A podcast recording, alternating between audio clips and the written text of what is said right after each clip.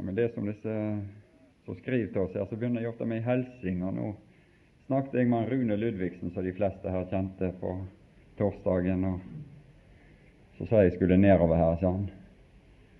Så ja, du får hilse, da. Og si at uh, det gikk bra. Han fikk seg en sønn, han og kona, på tirsdag. Så han var nå i godt humør. sant? Og Jeg spurte nå hva jeg skulle hilse med, og foreslo at, for han at jeg får hilse med et lite skrik. Så det mente han var jo bra, kunne være bra. Men jeg vet ikke om jeg tør jeg får si det, det er noen som kommer til meg og sier at ja, de skulle hilse med en klem, men jeg vet ikke om de tør å overbringe det. Da. Så. så jeg vet ikke om jeg tør å overbringe et sånt skrik. jeg da.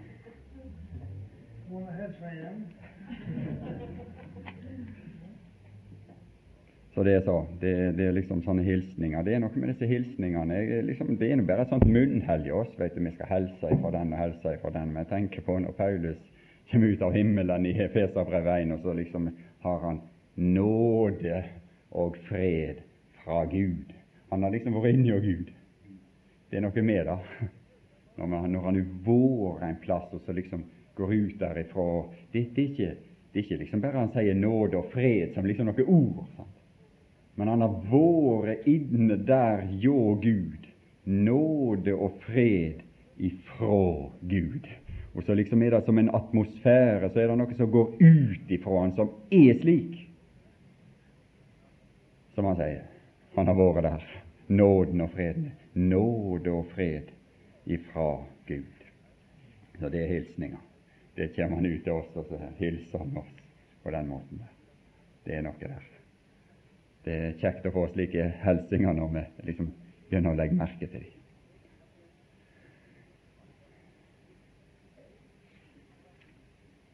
Jeg eh, hadde tenkt jeg skulle ja, bare lese et ord der i Hebreabrevet 12 og vers 28. Derfor, da vi får et rike som ikke kan rystes, så la oss være takknemlige og derved tjene Gud til Hans velbehag med blygsel og frykt for vår Gud er en fortærende ild. Eh, eh, jeg har jo De som kjenner meg, de syns jeg liksom uh, av og til jeg får jo forskjellige ting. og sånt. Jeg er ikke så flink liksom å takke. Jeg har sånn Jeg vet ikke om det er fordi at jeg, jeg, kan liksom ikke oppføre meg i fine selskap. og, og liksom av og til vet nesten ikke, jeg blir så lett forlegen. Jeg vet nesten ikke hva jeg skal si. og sånt, og, og, og sånt, Det er faktisk vanskelig å takke. Men, men så jeg sier til dem at når de sier at jeg burde takke litt mer, og liksom si det sant? Så sier de at ja, men jeg er takknemlig, altså, men, men jeg får det liksom ikke fram. Men det er noe når vi får det fram òg. La oss være takknemlige. Og litt før der du, Sverre, leste Jeg takker Gud. Jeg takker, sa Paulus der. Jeg takker. Og det er, det er noe ualminnelig velbehagelig over takknemlige folk. Og barna, det som har barn, som kjenner til det, når, når barna er takknemlige, det er et veldig velbehag med det, ikke er det? Ikke, det er liksom for, for foreldre å se barn liksom når, de, når de opplever at barn er takknemlige. Det liksom fyller rommet med et velbehag. Velbehagelig. Jeg takker Gud, min Gud som gjorde meg sterk.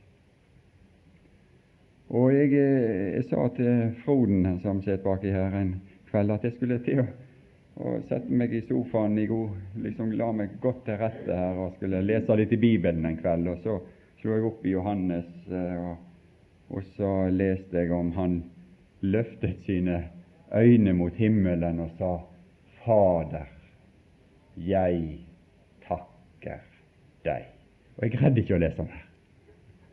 Det liksom hele, hele rommet ble så fylt med en, et velbehag og en atmosfære at jeg, jeg makta ikke fortsette. Det ble nok for meg den kvelden liksom, Tenk, der sto han midt i den situasjonen han var der. Det var i forbindelse med Lasarus når han sto framfor grava der og skulle til å rope Lasarus ut. Og, og, og, og sånt. Eh, eh, Det var så vidt liksom stanken kanskje begynte å sive ut der. de hadde åpna, for steinen der. Jeg takker deg for at velbehag himmelen hadde over den personen som gikk der nede. Fader. Det var Hele hans liv var, var innenfor Faderens åsyn. Og så steig denne takk opp for Guds åsyn. Og dette velbehaget. Vi vet Han åpna himmelen over han og måtte si at dette er velbehagelige ting. Det er liksom Du fyller meg med velbehag. Jeg takker deg. Og så var hans åsyn retta den veien.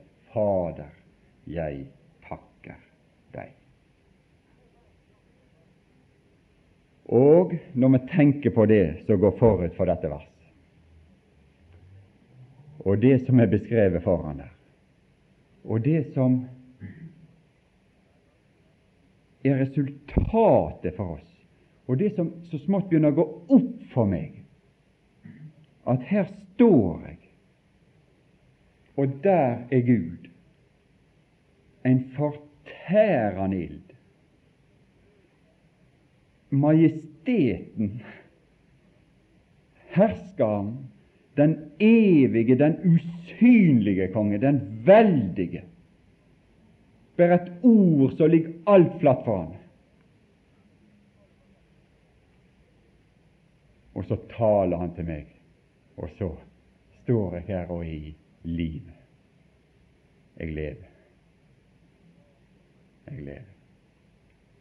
Det, da, da, det, da, da, må det skje noe. altså Det må skapes noe her. Av takknemlighet, av undring, som liksom Jeg kan se opp der og inn i hans åsyn. Tale med han åsyn til åsyn. Denne fortærende ild som har avslørt alle ting i meg og i mine omgivelser. Det, det, det, er totalt avslørt. Alt er nakent og bart for hans åsyn som vi har å gjøre med. Og så oppdager jeg det at ja, men jeg er jo i live, jeg lever. Det var det jeg hadde tenkt å si litt om. Og nå eh, vil jeg først si litt om det som dette refererer seg til i femte Mosebok, eller egentlig i andre Mosebok da, og, og, og, og, så videre. Men, eh, men, jeg vil gå litt tilbake til der i, eh, i femte Mosebok, når Moses summerer opp det som har hendt med dem, og formaner dem og tilskynder dem og prøve å få dette folk inn for Herrens åsyn, og til å leve og oppholde seg og bevege seg og være innenfor Herrens åsyn i sitt liv, i én en eneste hensikt å skape velbehag i deres omgivelser. For det er bare én en eneste mulighet for at det kan bli velbehag rundt mitt liv, og rundt min situasjon og rundt min person. Og det er i den grad mitt liv er innenfor Herrens åsyn. Andreplass er ikke det velbehag i denne verden.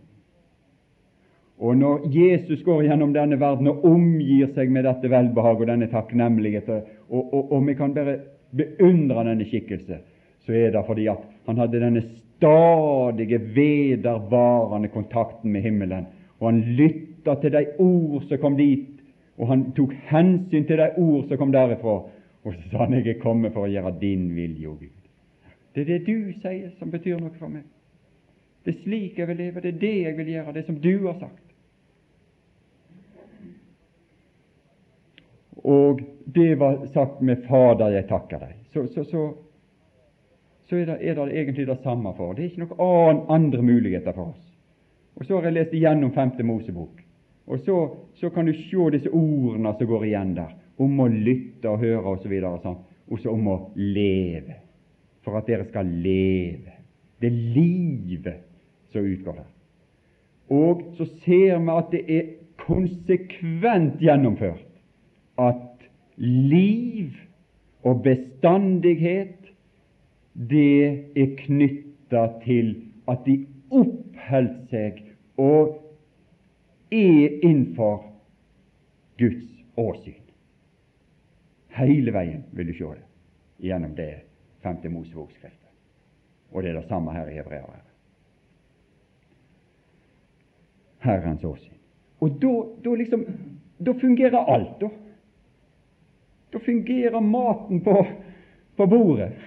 Måltidene, det de driver på med, det arbeidet deres, alt fungerer. Når livet leves innenfor Herrens åsyn, så fungerer hele deres person og hele deres gjøremål og all deres gjerning. Det fungerer i velbehag. Og i, i, i, de, de skulle nyte tingenes tilstand. Og med en gang de flytta seg vekk derifra, så fungerte ingenting av dette her. Det ble til ødeleggelse, til fordervelse og til undergang og død og forbannelse, alt de stelte med. Det er ingen forskjell i dag. Heller ikke for Guds folk er det noen forskjell i dag. Og det er det dette brevet lærer oss, hebreerbrevet. Like som femte Mosebok er full av velsignelse og forbannelse, av liv og av død, så er hebreabrevet full av det samme. Eller det omtaler de samme forhold for Guds folk. Fordervelse. Og velsignelse. Liv og død. Det er liksom, Vi kan jo lure på hva er forskjellen på velsignelse og forbannelse? Hva er forskjellen på livet og døden? Ja, Vi skjønner jo hva som er forskjellen, at det er en voldsom forskjell. Men, men hva er det som gjør at denne forskjellen inntrer i vårt praktiske, daglige liv her i verden? Det er om vi oppholder oss og søker inn for Herrens åsyn og tar hensyn til det Han sier og det Han har sagt, om vi gjør det, eller om vi lar være og trekker oss unna Hans åsyn, trekker oss unna Hans innflytelse, trekker oss unna Hans ord og det som Han har å si. Det er det som utgjør den store, store forskjell for oss.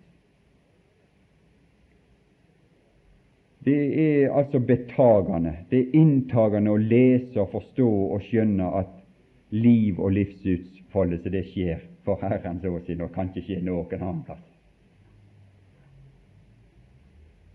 Det var når Faderen et øyeblikk tok sitt åsyn bort, det var da døden på Golgata. Når, når, når, når, når smi, Faderens var et Åsen ikke lyste over hans lenger, da var, da var det døden inntrådt, da var det straffen, da var det forbannelsen. Da var det alt dette inntrådte for den Herre Jesus. Når Han gjorde dette som stedfortreder, som forsoner for oss. For det er der livet er. Der, det, det, der, der han, der han, det der det er hans puste.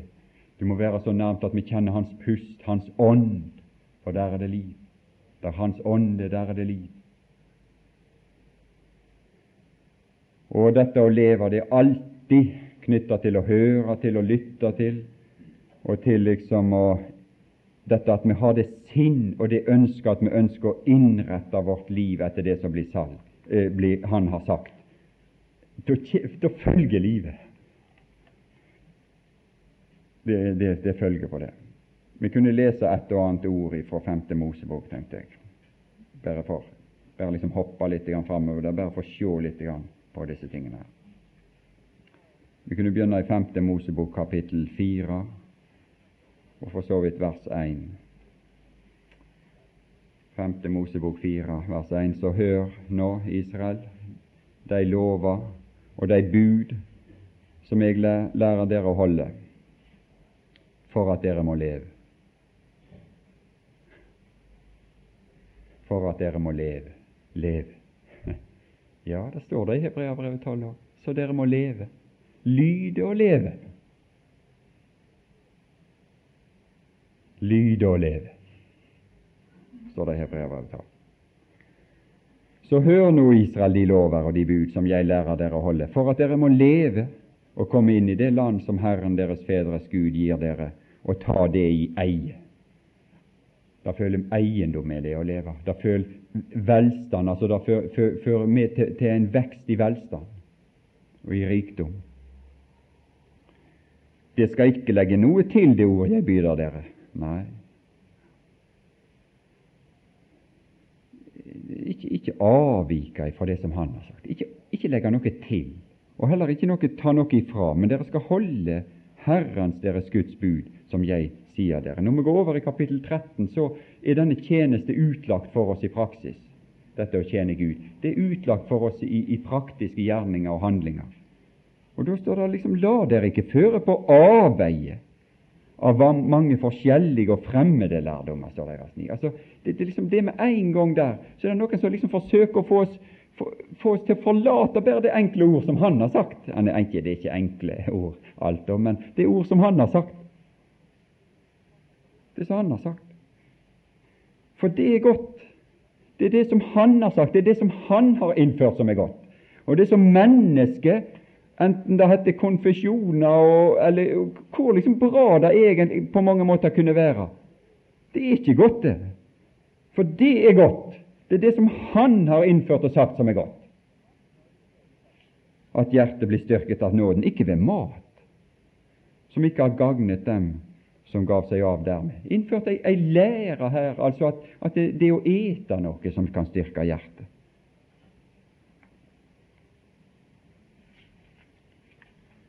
Ingen avvik. Det skal ikke legge til noe til det ord jeg byr dere, og det skal dere ikke ta noe ifra, men dere skal holde Herrens deres Guds bud, som jeg gir dere. Dere har med egne øyne sett hva Herren gjorde da det hendte det med Baal Peor, hver mann som holdt seg til Baal Peor, utryddet Herren din Gud av din midte. Men dere som holdt fast ved Herrens deres Gud, Herren deres Gud, dere lever alle den dag i dag. Det er livet. Livet, det å ta vare på, det å holde fast ved det som Herren har sagt, det er livet.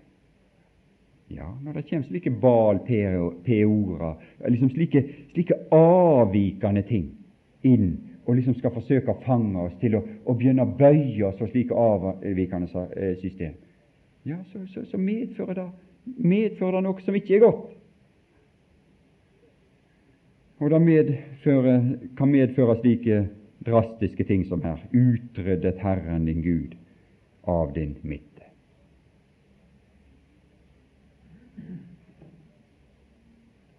Så taler han videre i vers 10 vi kan bare se i vers 10 her. Det, det, vi, her, her, vi kan lese og lese og lese, men, men, vi kan bare ta enkelte sånne ja, Det er noe de kaller for stikkprøver, men jeg vet ikke om vi skal bruke et sånt ord. Men vi kan ta enkelte sånne, bare sånne ord, bare for å illustrere det som jeg tror er et, et hovedsak, et hovedpoeng her, nemlig dette livet som leves kun når vi er innenfor Herrens åsyn. I vers 10 det du så den dag du sto for Herrens din Guds åsyn ved Horeb. Altså her, var, her hadde de stått og møtt Herren der for Hans Guds åsyn. Og når de kom inn i landet litt seinere ut i, i, brevet her, så ser vi det det samme. De skal dra opp, de skal være der, de skal ete, de skal nyte tinga for Herren sin Guds åsyn. Det var ikke en sånn engangs tildragelse der ved Horeb, at de skulle være for Herrens, der av Guds åsyn. Men det var noe som skulle følge de også inn i landet, og når de skulle være der i landet. At de skulle, det var noe som skulle følge de, at hele, hele deres gjerning og liv skulle være innenfor Herrens, der av Guds åsyn. Ved Horeb. Da Herren sa 'kall folket sammen for meg', for at jeg kan la dem høre mine ord, så de kan lære å frykte, ja, med blygsel og frykt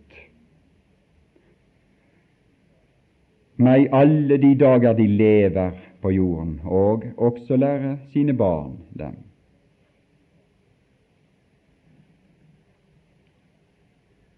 Da de kom nær til og sto nedenfor fjellet mens fjellet sto i brennende lue like inn i himmelen, de møtte den fortærende ild som vår Gud er, og der var mørke og skyer og skodde, og Herren talte til dere midt ut av ilden. Og dere hørte lyden av ordene, men noen skikkelse ble dere ikke var, dere hørte bare lyden. De hørte. Og litt lenger uti her, i kapittel 4 og vers 39, så sier han der til de, så skal du da i dag vite og ta deg det til hjertet, at Herren han er Gud både i himmelen der oppe og på jorden her nede, han og ingen annen. Og du skal ta vare på Hans lover. Altså Det er ikke bare å høre en gang, men det skal pleies, det skal ivaretas, det skal gjentas, ta vare på. Hans lover og Hans bud, som jeg gir deg i dag, for at det kan gå deg vel og dine barn etter deg, og for at du kan leve mange dager i det land Herren din Gud gir deg til evig eie. Det som Han gir det av evig karakter. Derfor vi også, kan vi også lese slike uttrykk som, som, som Hebreabrevet er full av det som blir. Det evige, det bestandige, det som består. Og la broderkjærligheten bli ved det er karakteren av den tjeneste som jeg ser uttrykt i kapittel 13, der du tjener Gud. Og når du har møtt denne Gud og hørt Hans ord og opplevd Han taler til deg gjennom en mellommann, og opplevd at ja, men jeg er jo i live, jeg har jo fått livet, jeg kan leve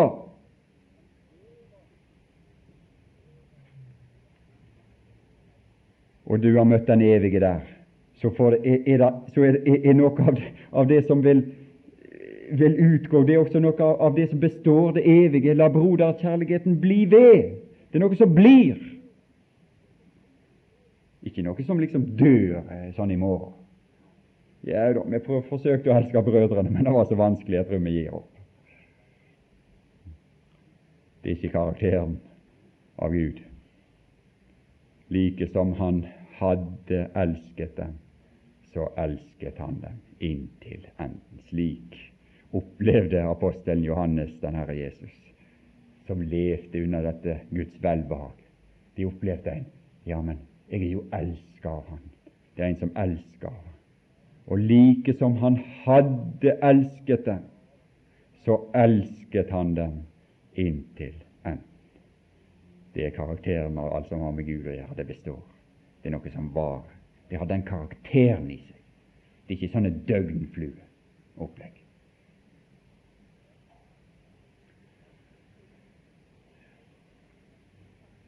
De sto der i kapittel 5 og i vers 4. Åsyn til åsyn talte Herren med dere på fjellet, midt ut av ilden åsyn til åsyn. Ja, når han talte. Det betydde at når han var der oppe på fjellet, så måtte de løfte opp hodet. De, de satt ikke og så ned i, i gulv. De sto, sto ikke der og så ned i marka. Ja, liksom de, de vet, de på noe med, det, det, er noe som driver og lyser velsignelsen og sånne ting. Da, liksom når vi reiser oss og, og, og sånt. Og jeg, jeg la merke til det fra jeg var liten. altså De, de, de var med på møter og sånt, og ja, så reiste en seg til slutt, og av og til skulle en liksom lyse av velsignelsen, og da sto folk og liksom så ned i, i gulvet. Ja. Jeg tror ikke de gjorde det, jeg, når Aron løfta opp sine hender sånn og, og, og lyste velsignelse, og Herrens åsyn, ansikt, lyse over dem. Jeg tror ikke de sto og så ned i gulvet, men de så opp imot han så, De så opp imot ham. Åsyn til åsyn, talte Herren. Og når Jesus førte de opp ut mot Betania, opp på berget der, så sto det, så løfta, han seg opp. Og så løfta han sine hender, og han, han, han velsignet dem der. Og de så opp. Du kan være sikker på de sto ikke der og så ned i bakken. Og de sto og stirret endatil opp. Så, så, så slik festna inntrykk av Herren seg i deres sinn og deres sjel at, de, at når engelen, denne engelen kom, så måtte dunke i dem for å, og at de ikke skulle bli stående der, for de skulle jo gjøre litt grann, mens de venta på han. så stirret de opp imot himmelen. Og det er, noe, det er noe for oss å ha et slikt oppløft, og så liksom vente på Han som skal komme ut av skyøyet. Han har skjult seg for oss bak ei sky. Ei sky tok han bort for vårt åsyn, men vi skal vente han derifra på samme måten. Han skal komme igjen på samme måten, med hender oppløfta til velsignelse for sine. Og Det er noe for oss å gå igjennom denne verden med et slik oppløftet ansikt i forventning. Herre Jesus, nå kjem du vel. Du kjem vel, du stikker vel snart fram om skya igjen. Du tar vel snart skya bort, og så ser vi deg. Du er vel snart her. Ja, han, for han sa han skulle komme igjen. Og han skal ikke dryge.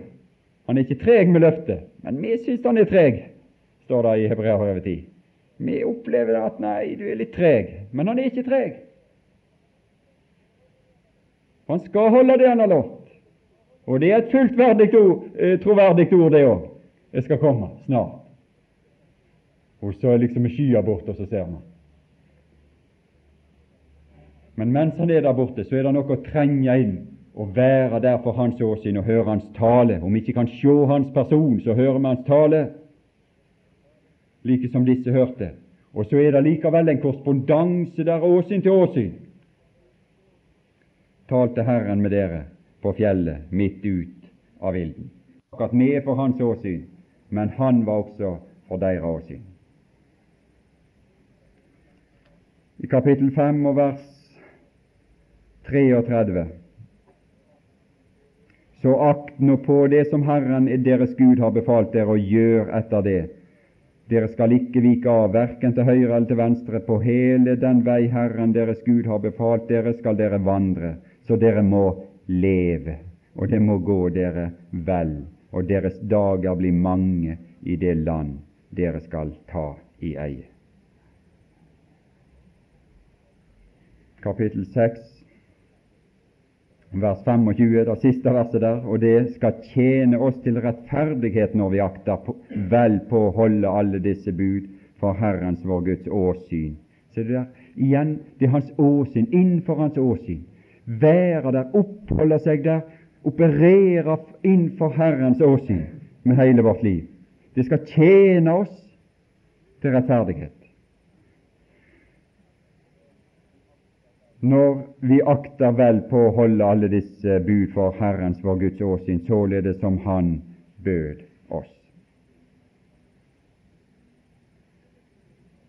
Moses kunne liksom ikke nok få forklart dette forholdet for dem. Og, og, og når vi går videre her, f.eks. i kapittel 8 og kapittel 9, og sånn, så er det like som han, han vil prente det inn i sinnet. Han vil på en måte det som han, han liksom han vil prege det inn i sinn og tanke og, og, og hu, og hu, og ta vare på dette. Kom deg hu. Altså liksom eh, At vi tar vare på det. Ikke glem det. Kom deg hu. Men gå til stadige inn for Herrens åsyn og lytt, og tenk og dvel, slik at vi unngår å omkomme i vårt sinns tomhet slik hedningene. Når han avslutter f.eks. kapittel 8 her da, i vers 20, så står det like som de hedninger Herren lar omkomme for dere, således skal også dere omkomme fordi dere ikke hører på Herren deres Gud, Herrens deres Guds røst. Det, det, det, er et liv. Han, han, han sier det at det å forlate mitt åsyn, det å forlate mitt år, ord, det fører hans folk inn i en tilstand av samme art som hedningene. Like som de hedninger som Herren lar omkomme.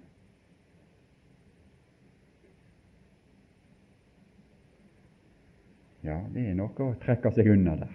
Det står noe i Hebreabrevet 10 om å trekke seg unna. Trekke seg unna. Da trekker du deg unna alt liv du trekker deg unna all velsignelse. Du trekker deg unna alt velbehag. Du trekker deg unna liv til fortapelse. Så.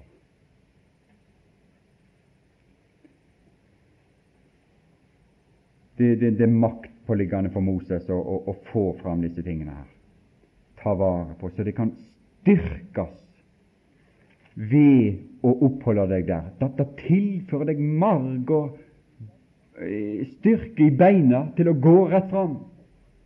Det, det, det tilfører deg ting der å oppholde deg for det åsyn, så du kan gjøre rette stier for dine føtter. Styrke i beina, marg i beina, styrke og liv. Så du kan egentlig tilegne og legge under deg mer og få liv og liv i overflod kapittel 11, for eksempel, og vers 8. Ta vare på alle de bud jeg gir deg i dag, for at dere kan bli sterke. Merkelig treningsprogram. Sant? De går på helsestudie og, og det er all slags sånne regler de føler. Jau da. Jeg vet ikke om den styrken der har liten verdi for Gud. Og Jeg vet ikke om han har så mye verdi for, for vårt legeme egentlig heller, for det er noe kunstig med hele de greiene der. Men merkelige greier her. Du tenker å bli sterke ved å ta vare på alle de bud jeg gir deg i dag, for at dere kan bli sterke og komme inn og eie. Du er i stand til å legge under deg ting når du blir sterk. Eie det land dere nå drar over til og skal ta i eie, og for at dere kan få leve lenge i det land Herren tilsvor deres fedre og ville gi dem og deres ett et land som flyter med melk og honning, styrke og liv.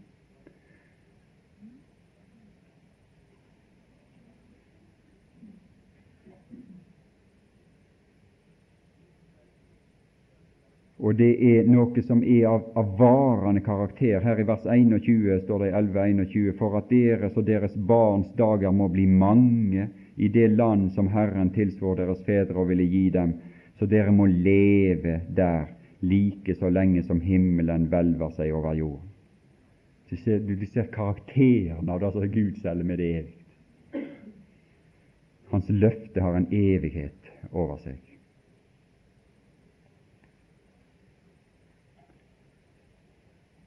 Da kommer det overflod, glede, velsignelse, velbehag som følge av dette. her. Kapittel 12 og vers 12. Og dere skal være glade. Gleden. Plutselig så oppdager de at de er glade. Hvor er de glade? Hvor er vi glade? Hvor er det gleden utfolder seg? Ja, er det i de mørke kammer, er det i nattklubbene at, at, gleden utfolder seg? Ja, det tror de i verden. Nei, er for Herrens åsyn. Dere skal være glade for Herrens, deres Guds åsyn. Dere og deres sønner og deres døtre og deres tjenere og deres tjenestepiker og levitten som bor hos dere, som de skulle dele med, og som de skulle ta inn i det de ble velsigna med, og dele med levitten. Det er liksom, det brer seg ut. Som, når, du, når, du, lever innenfor Herrens åsyn, så plutselig så, så skapes det en overflod som gir deg i stand til også å dele med andre. Så var vi ute i kapittel 13 igjen og deler med andre. I hebreerbrevet, altså. Men eh, vi kan kanskje ta det i morgen. Dele med andre. Her, her, er noe liksom, Du ser dette her sant? Dere, ja, og deres sønner og deres døtre og deres tjenere og deres tjenestepiker liksom, og levitten. Det, det, det, liksom brer seg utover, denne glede. og i vers 18, kapittel 12 og vers 18. Men for Herrens Ja, det står noe om de gavene og det, det som de skulle ta til side osv. Og, og sånt, står det hva de ikke skulle gjøre da overfor der. Men for, og i vers 18.: Men for Herrens, din Guds åsyn, skal du ete det på det sted Herren, din Gud, utvelger. Liksom nyte din mat for Herrens, din Guds åsyn. Du og din sønn og din datter og din tjener og din tjenestepike og levitten som bor hos deg, du skal glede deg for Herrens, din Guds åsyn, over alt det du har vunnet ved ditt arbeid. Er det våre erfaringer, det? Ikke det noe der?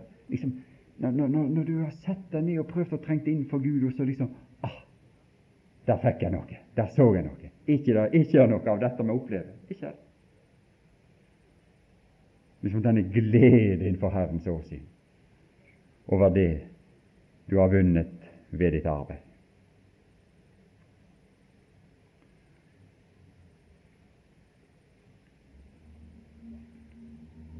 Med hjertens lyst, står det egentlig eh, står det enda til i, i, i vers 21. Hvis du har lang vei til det sted Herren din Gud utvelger for å la ditt navn bo der, da kan du gjøre som jeg har befalt deg, og slakte av ditt storfe og av ditt småfe, som Herren har gitt deg, og du kan ete det hjemme i dine byer etter ditt hjertes lyst. Ja, ja, det, det er Gud som sier dette. Det er liksom du ser hvordan han, han, han, han formidler sitt ord for folket. Men hele tida er det disse ting. Det er for Herrens åsyn. Altså Med en gang de beveger seg ut ifra det åsyn, så blir alt dette vendt til forbannelse og elendighet. Og når de holder seg der, så er det enda til at de kan ete sitt storfe og sitt småfe etter sitt hjertes lyst.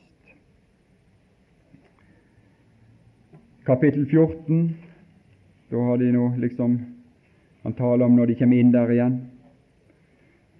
Det er Herrens åsyn, så de hadde møtt ved Horeb, det skulle følge de også inn i landet, og de skulle være fortsatt for det Herrens åsyn. Det blir overskudd, at det skapes overskudd av et liv som leves inn for Herrens åsyn. I vers 22 der, er eh, der, der, der er de i stand til å gi, der er de i stand til å ta til sides og, og, og, og gi. Du skal gi tiende av all din avgrøde, av sæden som vokser på marken år for år, og for Herrens, din Guds åsyn, på det sted Han utvelger til å la sitt navn bo der, skal du ete tienden av ditt korn og din most og din olje og det førstefødde av ditt storfe og av ditt småfe, for at du kan lære å frykte Herren din Gud alle dager. Men hvis veien er deg for lang, så du ikke makter å føre det dit, fordi det sted Herren din Gud utvelger til å la sitt navn bo der, er for langt borte fra deg, og har Herren din Gud velsignet deg rikelig, så kan du selge det for penger, og pengene kan du knytte inn i et plagg og ta dem med deg til det sted som Herren din Gud utvelger.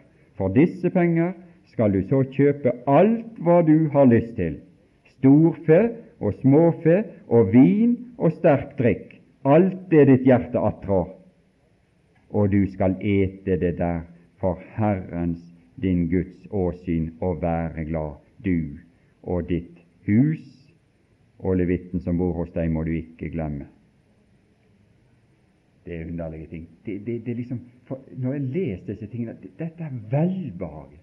Liksom, når, når, tingene skjer i henhold til en, en, en forbindelse med himmelens Gud og innenfor Hans åsyn, så legges det et velbehag over alle eh, jordnære ting i vårt liv. Det, det, det. Du, skal e, du, skal ete det der for Herrens din Guds åsyn og være glad, du og ditt hus og den levitten som bor hos deg. Velbehagelig. Være glad. Kapittel 16 og vers 11. Du skal være glad for Herrens din Guds åsyn på det sted Herren din Gud utvelger for å la sitt navn bo der, både du og din sønn og din datter og din tjener og din tjenestepike og levitten som bor hos deg, og den fremmede. ja. Her har de enda til å få tak i enda mer. Her har liksom velsignelsen utbredt seg ytterligere. Så det er liksom i stand til å gå ytterligere mer ut. Den fremmede og den farløse og enken så her det, det utvides innenfor Herrens åsyn, det som du er i stand til å ta deg av, som du har hos deg. Og du skal komme i hu at du var trelig. Ja, tenk oss sitte der i dette velbehag og i denne overflod, i denne velsignelsen, men aldri, aldri, aldri glemme hva det var han tok deg ut av. Kom i hu. Dette er da liksom Jeg, jeg tror vi, vi, skal, vi kunne, kan lese en del mer, men jeg tror det er nok der i 5. Mosebok. Dette framfører Mos, Moses for dem. Og han framfører det, og legger de dette på hjertet, og gjentar det, og utvikler dette for dem. Men han veit at folket som sådan ikke vil gå denne vei. Det veit han. Men likevel sier han det. Men han veit at Guds folk i sin alminnelighet ikke vil gå denne vei. Men forlate stedet for Guds åsyn og dra seg unna da og høste fordervelsen derav. Men likevel så må han få sagt dette her, og må han få tilskynde de og den enkelte iblant de til å søke inn for Herrens åsyn, og til å høre disse vidunderlige ord som, som tales der, for at de også skal høste den vidunderlige frukt av det hele. Og så sier han da, liksom til slutt her, sånn dette kjente ordet som de fleste, eller i hvert fall mange av dere kjenner her ute i kapittel 30 og vers 19, at jeg tar i dag himmelen og jorden til vitne mot dere. Livet og døden har jeg lagt frem for deg, velsignelsen og forbannelsen. Og så er liksom, det, det var snakk om valgkamp her. Det er det han driver. Altså Moses driver valgkamp, han. Han, har, han driver en fortvila valgkamp for å få meg og deg til å velge rett. For det er rett valg, så det er et valg som er rett. Og det valg kommer her. Velg da livet. Det skulle vel være et enkelt valg, skulle ikke det? Det er bare det at de velger ikke livet. Og han sier det seinere ned her. Jeg vet, sa han, at etter mitt bortgang vil det forderve deres vei. Det visste han. Men likevel så kommer han med denne oppmuntringen og denne, den, denne formaningen velg da livet, så skal du få leve, du og din ett. Så denne valgkampen får vi delta i og lytte til. Og her er ord som er verdt å lytte til. Dette er ikke tomme floskler. Her er ord. Dette er ikke noe tomt ord for dere, sier han litt lenger ute men dette er deres liv.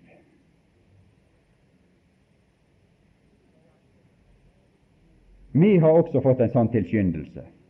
Vi har fått de samme alvorlige formaninger, men selvsagt på et annet plan og med en annen art av velsignelse og forbannelse, liv og død, enn det som Moses taler om til Israel, men skjønt det er på mange måter beslekta. Og det, disse formaningene som apostlene gir oss, det er for å få oss inn til Herrens åsyn, og få oss plassert oss framfor Herrens åsyn, og få oss til å lytte til det som sies der, for at vi skal også kunne gjøre til det som sies der, og høste de rike frukt og velsignelse av den røst og det ord som utgår ifra Hans trone og Hans åsyn i dag. Det er en vanskelig sak de har påtatt seg, disse apostlene i brevene. Det er en ytterst vanskelig sak. Og han Paulus sier da at 'jeg vet at dette er min bortgang'. Ja, han visste det samme som Moses. At, at det ville bli en fordervelsens vei. De valgte, de fleste. Men likevel så sier han dette, og likevel har vi den tilskyndelsen i dag. Og likevel er det en mulighet for oss og, og, og, og i vårt fellesskap her det er likevel en mulighet for oss å, å være med og oppmuntre hverandre og være med den enkelte til å trede fram og søke fram inn framfor Herrens åsyn, til å høre de, de ordene som er der. Moses han fikk i oppdrag av Gud til å lede folket fram til et møte med Gud, der de skulle møte Gud på Horeb, der de skulle høre Guds tale, der de skulle se Han som, som satt på tronen, for å lytte til Han og for at de skulle lære der og frykte Han og Hans ord. Og det er den samme sak denne her apostel i Hebreabrevet har påtatt seg, det å føre Hans folk fram til et møte med Han som taler ifra himmelen, til et møte med Han som er kront med herlighet og ære, til et møte med Han som har satt seg på majestetens høyre hånd i himlene. Det er å føre oss fram dit for at vi skal høre hans tale og det han sier, og det som utgår ifra han, som vi skal lære å frykte, og som vi skal skapes i oss en takknemlighet over. Tenk, han taler til meg, og jeg er i livet. Den fortærende Gud har jeg møtt. og jeg lever. Forunderlige ting. Ja, han presenterer han for oss helt i forbegynnelsen her. Og i kapittel 2 så sier han derfor må i Hebreabrevet nå, altså, derfor må vi så meget mer gi akt på det vi har hørt. Hvorfor det? Gi akt på det vi har hørt. Men det er en tendens i oss til å drive av. Ja, Hvis vi ikke gir akt, hvis vi liksom begynner å si at 'nei, dette kan vi', dette liksom For at vi ikke skal drive bort derfra. For dersom det ord som var talt ved engler, sto fast, og hver overtredelse og ulydighet fikk sin fortjente lønn, hvorledes skal da vi unnfly? Unnfly hva? Dommen. Den samme dom, som, dom av den samme art som den som Herren lot ramme deg iblant Israels folk som dro seg unna. Det, det, det er den samme art av dom det, det taler om her.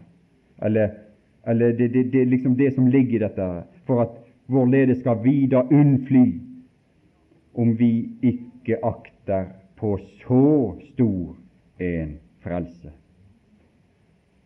Den som først ble forkynt oss av Herren, og sier stadfesta av Hans, av de som hadde hørt ham. Her står tale i dette brev om ved vantro å bli slått ned, like som de som blir slått ned i ørkenen. Her står tale om, i kapittel 10, som jeg så vidt nevnte, og i vers 38, så står det tale om ved tro å leve. Da står det men den rettferdige ved tro skal han leve. Det er det som er, det er, det som er, er, hovedordet her. Det leve. Den rettferdige ved tro skal han leve. Det livet og livsutfoldelsen, i motsetning til døden, som, som blir understreket her. Men det skjer ved tro. Det er ved tro at vi kan tre da fram der og inn der. Så vi kan høre disse ord, som vi skal leve ved dem. For vi er ikke av dem som unndrar seg til fortapelse. Hva er det vi unndrar oss? Vi er ikke av dem som unndrar seg. Hva er det en unndrar seg? En unndrar seg Hans tale. En unndrar seg det som Han sier. En unndrar seg det som utgår ifra tronen, det som Han taler til oss ifra sitt åsyn. En unndrar seg det å være innenfor Herrens åsyn. Det er det en unndrar seg her. Og da unndrar en seg til en forferdelig høst, som det står her, til fortapelse. Vi er av dem som tror til sjelens frelse. Egentlig står det fulle vinning der, altså. Liksom sjelens full, full, fulle gevinst. Den, en, en, en fylde som du leser om også i, i, i femte Mosebok. Så du ser hvor liksom dette her øker på utover når de levde et liv framfor Herrens åsyn. Kapittel 12 vers 9 nevnte jeg også så vidt. Dessuten, våre kjødelige fedre hadde vi til opptuktere, og vi hadde ærefrykt for dem.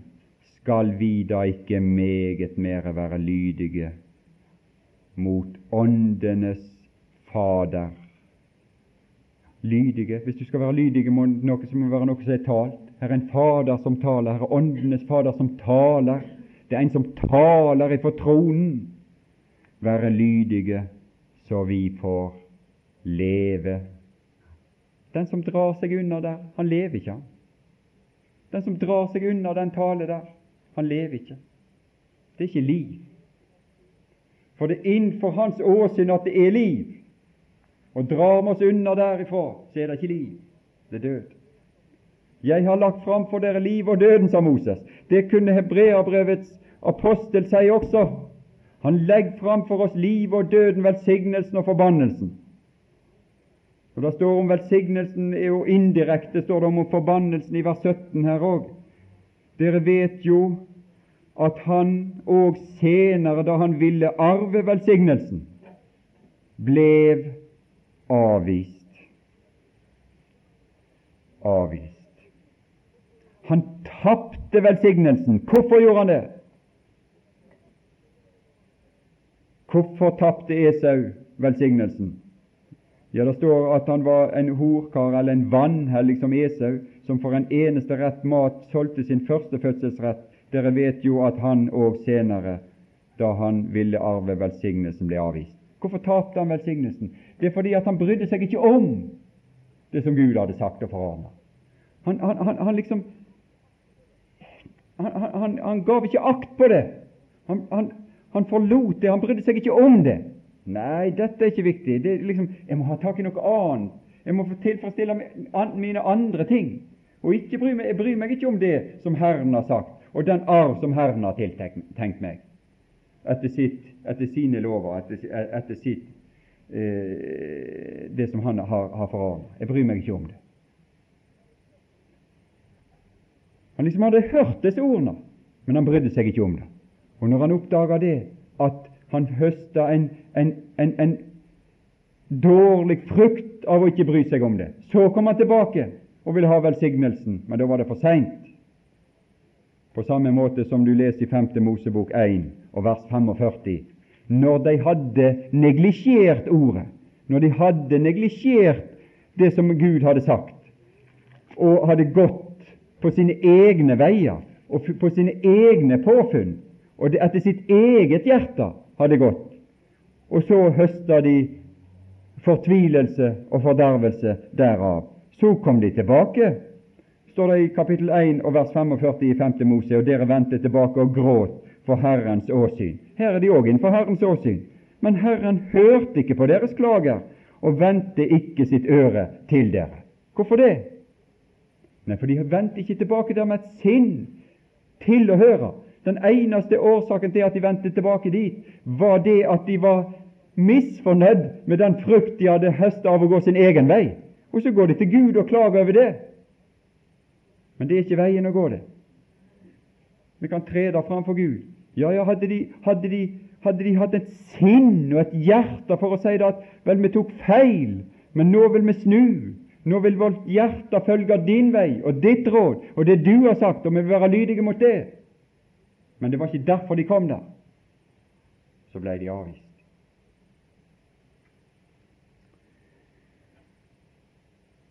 Velsignelsen av livet, ja. Jeg burde vel slutte, jeg nå.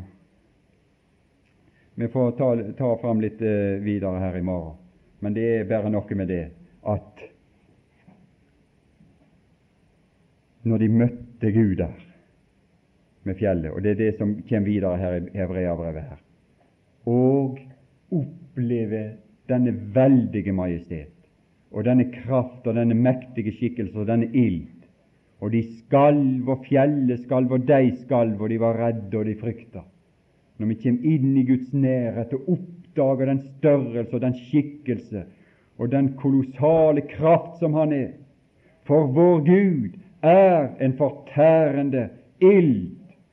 Og så oppdager de ja, men Han taler til oss ut av ilden. og så blir vi i livet ved en mellommann. Da kan det ikke annet enn å forundres. Og de blei forundra. I femte Mosebok fire står det litt grann uti der. Har det hendt? Er det noen som har en sånn Gud? Finnes det noe folk? Finnes det noe plass der de har en slik Gud? Der de har, slik, har noe som tilnærmelsesvis kan sammenlignes med dette, som taler til oss ut av ilden, og vi blir i livet. Nei, det finnes ikke.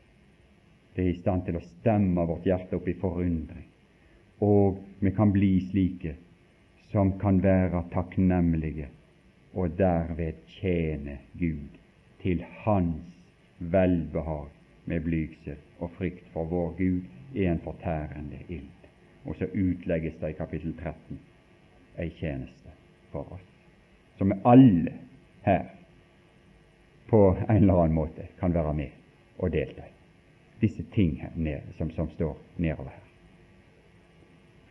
Vi kan gjerne gi oss der i kveld, og så fortsetter vi litt på dette i, i morgen formiddag, om vi får lov å møtes da. Ja, Herre vår Gud. Vi takker deg fordi at du møtte oss, og du møtte oss i en mellommann. Din sønn som ble sendt ned her i verden, så ble en av oss, og som gikk ut i møte med deg for å møte deg der, og som har gått inn til deg og satt seg på tronen sammen med deg. Og så er det Han som taler til oss. Det er Han som nå taler ditt ord til oss. Til Jesus, mellommannen for en ny pakt. Til Hans ord, til Hans blod som taler. Han taler til oss i dag. Herre Jesus, det vil vi takke deg for. Det vil vi prise deg for. Så vil vi be